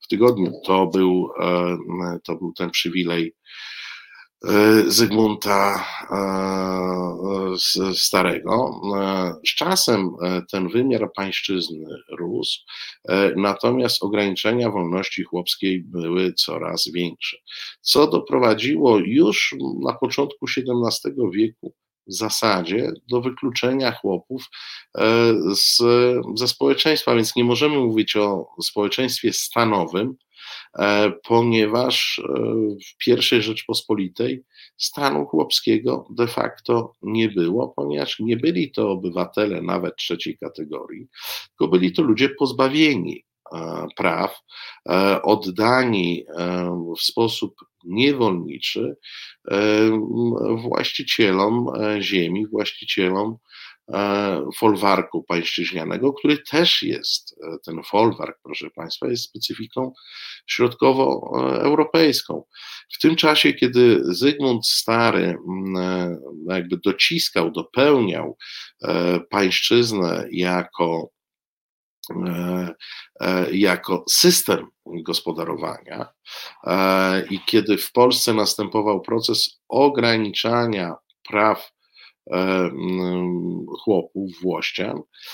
W tym samym czasie, w takiej Anglii, co jest moim konikiem, do najwyższych funkcji, dzięki swojemu wykształceniu i obrotności, dochodzą ludzie stanu niskiego. Kardynał Wolsey czy Cromwell starszy. Jeden był synem rzeźnika, z tego co pamiętam, a drugi był synem E, takiego drobnego kombinatora, który, którego szczytem możliwości była jakaś produkcja piwa i karczma e, własna. E, to są ludzie, którzy tworzyli potęgę nowożytnej Anglii. To są ludzie, którzy zrobili zawrotne kariery przy Henryku VIII, a pochodzili ze stanu niskiego. W Polsce tego typu kariery właśnie się kończyły właśnie przestawały być jakkolwiek dostępne. Chłopów e, wyłączono z dostępu do edukacji, wyłączono z możliwości e, migracji poziomej, czyli przemieszczania się, poprawiania sobie e, warunków życia, chłopów w przeciągu mniej więcej 200 lat doprowadzono do stanu bardziej porównywalnego z niewolnictwem e, niż z pańszczyzną e, w, w rozumieniu zachodnioeuropejskim. Więc gdyby pan Radziwił pisał o Anglii, to ja bym się z nim zgodził, ale pan Radziwił pisze o Polsce. I w Polsce mm, pańszczyzna nie była elementem społeczeństwa e, stanowego, tylko ta pańszczyzna, którą my pamiętamy, była elementem e, społeczeństwa, które po społeczeństwie stanowym powstało, a które sprowadzało się w zasadzie do tego, że prawa obywatelskie miał jeden stan, czyli szlachecki bardzo różnie było ze stanem mieszczańskim, bo w miastach królewskich jeszcze jako tako, ale w miastach prywatnych, proszę Państwa, także była pańszczyzna e, związana, którą musieli odrabiać mieszczanie, na przykład przy produkcji trzy dla siebie, trzy dla e, pana właściciela tego, tego miasta. Wprowadzono zakazy opuszczania ziemi, potem wprowadzono obowiązki propinacyjne, więc zniewolono tych ludzi. I bardziej to przypomina, e, proszę Państwa, system starożytny, w którym niewolnikiem można było stać się z urodzenia, można było stać się e, z jeńca jakiegoś, można było stać się niewolnikiem, a można było także stać się za długi poprzez uzależnienie od kogoś e, bogatszego. E, tutaj Polska zafundowała sobie z warstwy chłopskiej warstwę niewolniczą. I jeżeli pan Radziwił chciałby mówić o Polsce, to powinien wziąć to pod uwagę.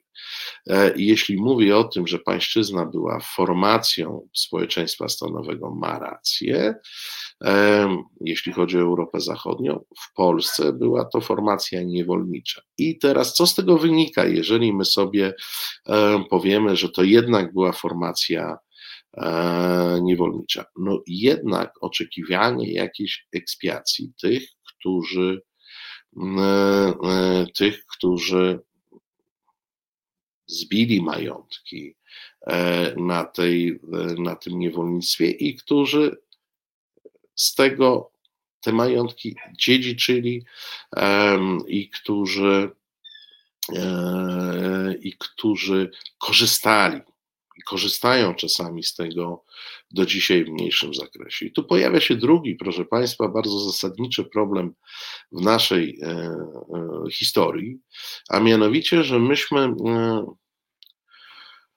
w tej warstwie takiej modernizacyjnej e, różnych zmian bardzo mało osiągnęli sami jako Polacy. E, dlaczego? No bo jeżeli spojrzymy na rozwój i zmiany struktury własnościowo-społecznej w Europie Zachodniej, to one się odbywały na dwa sposoby.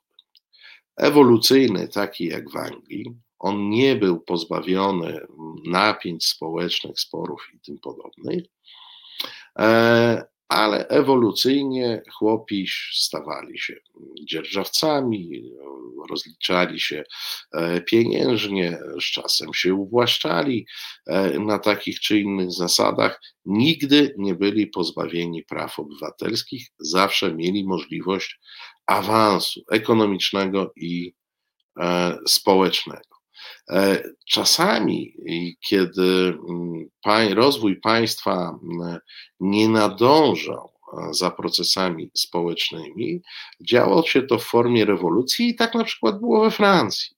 Rewolucja francuska rozbiła mm, pewien e, monopol przede wszystkim arystokracji, ale także też szlachty i duchowieństwa na stanowienie o państwie. Przy czym, jak porównamy ten monopol e, francuskiej arystokracji i duchowieństwa z monopolem polskiej szlachty i magnaterii, to oni naprawdę mieli tam e, lajtowo. E, no, w modelu polskim, proszę Państwa, te modernizacje, te zmiany relacji własnościowych, niestety za każdym razem były wprowadzone przez siły obce. E, ponieważ e, zniesienie pańszczyzny i uwłaszczenie dokonało się rękoma zaborców. E, w różnym czasie, najpierw w Prusach, potem w zaborze austriackim, na końcu w zaborze rosyjskim, znoszono pańszczyznę wbrew woli polskiej szlachty i magnaterii, a rozporządzeniami zaborczymi. E, co oczywiście mm, można ubrać w turbopatriotyczny e, sprzeciw wobec tego, że nam obcy mówią, co ma być. Ale powiem Państwu gorzej. Druga Rzeczpospolita nie dała sobie rady z reformą rolną. w związku z czym reforma rolna została przeprowadzona na sowieckich bagnetach na początku PRL-u, co znowu daje możliwość turbopatriotycznego wzmożenia, że nam tutaj obcy zaprowadzili takie czy inne porządki w naszej ukochanej ojczyźnie. I bardzo trudno i, I, bardzo trudno jest, proszę Państwa, w, w, takiej sytuacji wybić się na pewną racjonalność związaną z tym, że w świecie mm, pewne rekonstrukcje, zmiany relacji własnościowych i relacji społecznych po prostu następowały. E, I e, żaden cywilizowany kraj z tej strefy, do której mamy ochotę należeć, ze strefy cywilizacji europejskiej czy łacińskiej, jakby jej nie nazwać, tego nie uniknął. E, tylko jak mówię, w jednych krajach to się stało za sprawą ewolucji, w innych za sprawą rewolucji, tak jak we Francji, tak jak w Hiszpanii, a w takim kraju jak Polska, a w takim kraju jak e, Polska stało się to za sprawą zaborców bądź nie całkiem e, suwerennego e, PRL-u. No ale co z tego wynika? Czy, czy w ten sposób należy negować ten proces, który musi się odbyć? Bo tak jak pan Radziwił pisze, że mm, pańszczyzna okresu średniowiecza E, była pewną koniecznością. Tak, proszę Państwa, pewną koniecznością jest e, własność, e, jest własność rozproszona i jest wolność osobista i niezależność od innych osób czy podmiotów gospodarczych. No, tak to jest. E, ta dyskusja, e, która się odbywa, naprawdę w dużej mierze się opiera na tych takich e, argumentach, argumentach, które są obok. Bo pan Radziwił tu zarzuca, że w okresie PRL-u prześladowano za pochodzenie. I oczywiście to było absolutnie skandaliczne, że kogoś prześladowano za to, że się nazywa Radziwił. Natomiast już jeżeli chodzi o pewną zmianę stosunków własnościowych, to zawsze można, e, e, to zawsze, proszę Państwa, można przeprowadzić to lepiej i takie pomysły były u zarania II Rzeczpospolitej e, reformy rolnej uwłaszczenia za stosownym odszkodowaniem w sposób bardziej łagodny. Ponieważ do tego nie doszło, ja jestem o tym przekonany, że ponieważ nie doszło do sensownej reformy rolnej przed wojną, e, to, e, to po prostu po wojnie łatwo było, e, łatwo było zyskać poparcie społeczne. Nie oszukujmy się, było wielkie poparcie społeczne dla reformy rolnej przeprowadzonej dosyć brutalnie. No potem pojawiły się takie, mm, takie dziwne konstrukcje, punkty za pochodzenie, gdzie powiedzmy to pochodzenie inteligencji, czy nie daj Boże, arystokratyczne e, było, bardzo obniżało szanse wejścia na studia. Najlepiej było być robotnikiem chłopem, bądź robotniko chłopem, to już e, e, optymalnie który to Radziwił, tak, dokładnie ten, który reformował służbę e, zdrowia. E, natomiast jest, proszę Państwa, dużo nieuczciwości w e, tym, kiedy mamy takie transakcje jak ministra Glińskiego z kolekcją krakowską. Jest dużo nieuczciwości w tym, kiedy te mm, rodowe siedziby są odzyskiwane i natychmiast sprzedawane. Tutaj jest pole do dyskusji, czyim e, bogactwem, e, czyim bogactwem e, zostały te fortuny zbudowane i czy na pewno etyczne jest, bo ja już nie mówię o prawie, to jest zupełnie inna sprawa, czy etyczna jest tego typu obrona własnych praw przeróżnych. Proszę Państwa, ja jestem bardzo daleki od e, stanowiska e, skrajnej lewicy czy lewicy w, w tej sprawie, że należy tam, e, prawda, tych Radziwiłłów cały czas piętnować, wystawiać na rynkach i pokazywać jako dziwadła. Ja jestem absolutnie przywiązany do prawa własności. Ono naprawdę jest święte i po to, żeby przeciętny rolnik po reformie rolnej mógł dobrze gospodarować, to musi dysponować świętym prawem własności, ale no, trzeba mieć poczucie, że pewne procesy modernizacji społecznej i także e, zmiany stosunków e, własnościowych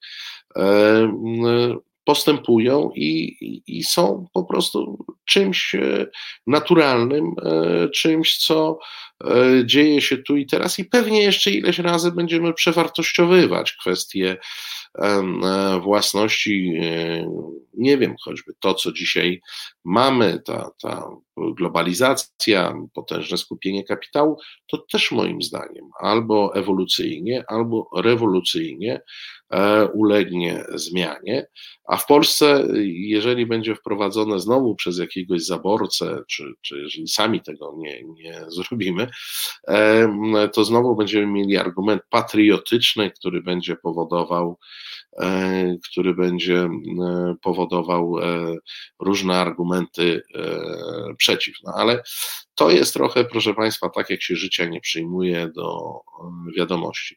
Nie będę już nawet mówił o ripoście Szczepana Twardocha, ponieważ ona była nokautująca dla pana Radziwia, nie tylko ze względów merytorycznych, ale Twardoch po prostu napisał, zrobił to, co e, e, umie najlepiej, czyli napisał kawałek, krótki kawałek dobrej e, literatury, którą księcia Radziwiła po prostu poetycko zglanował. O, tak bym to, tak bym to nazwał.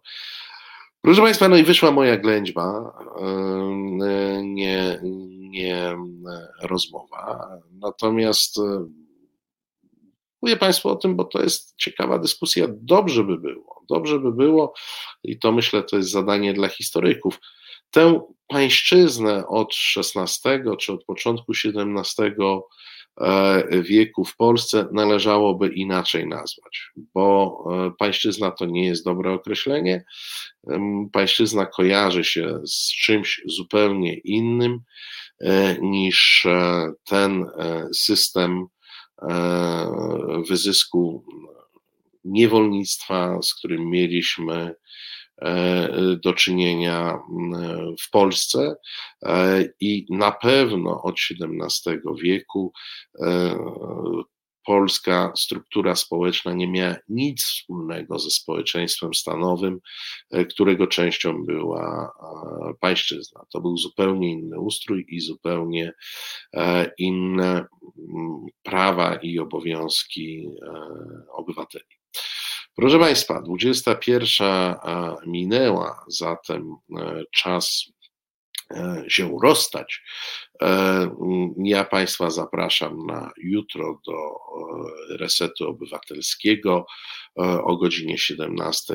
Tomek Konca. O właśnie, czy złożyliście życzenia Tomkowi? Tomek Konca dzisiaj 18 lat kończy, świętuje jakoś u siebie na kanale hucznie, ale to jeszcze jutro można na pewno mu składać E, życzenia w trakcie e, dobrej pory od 17.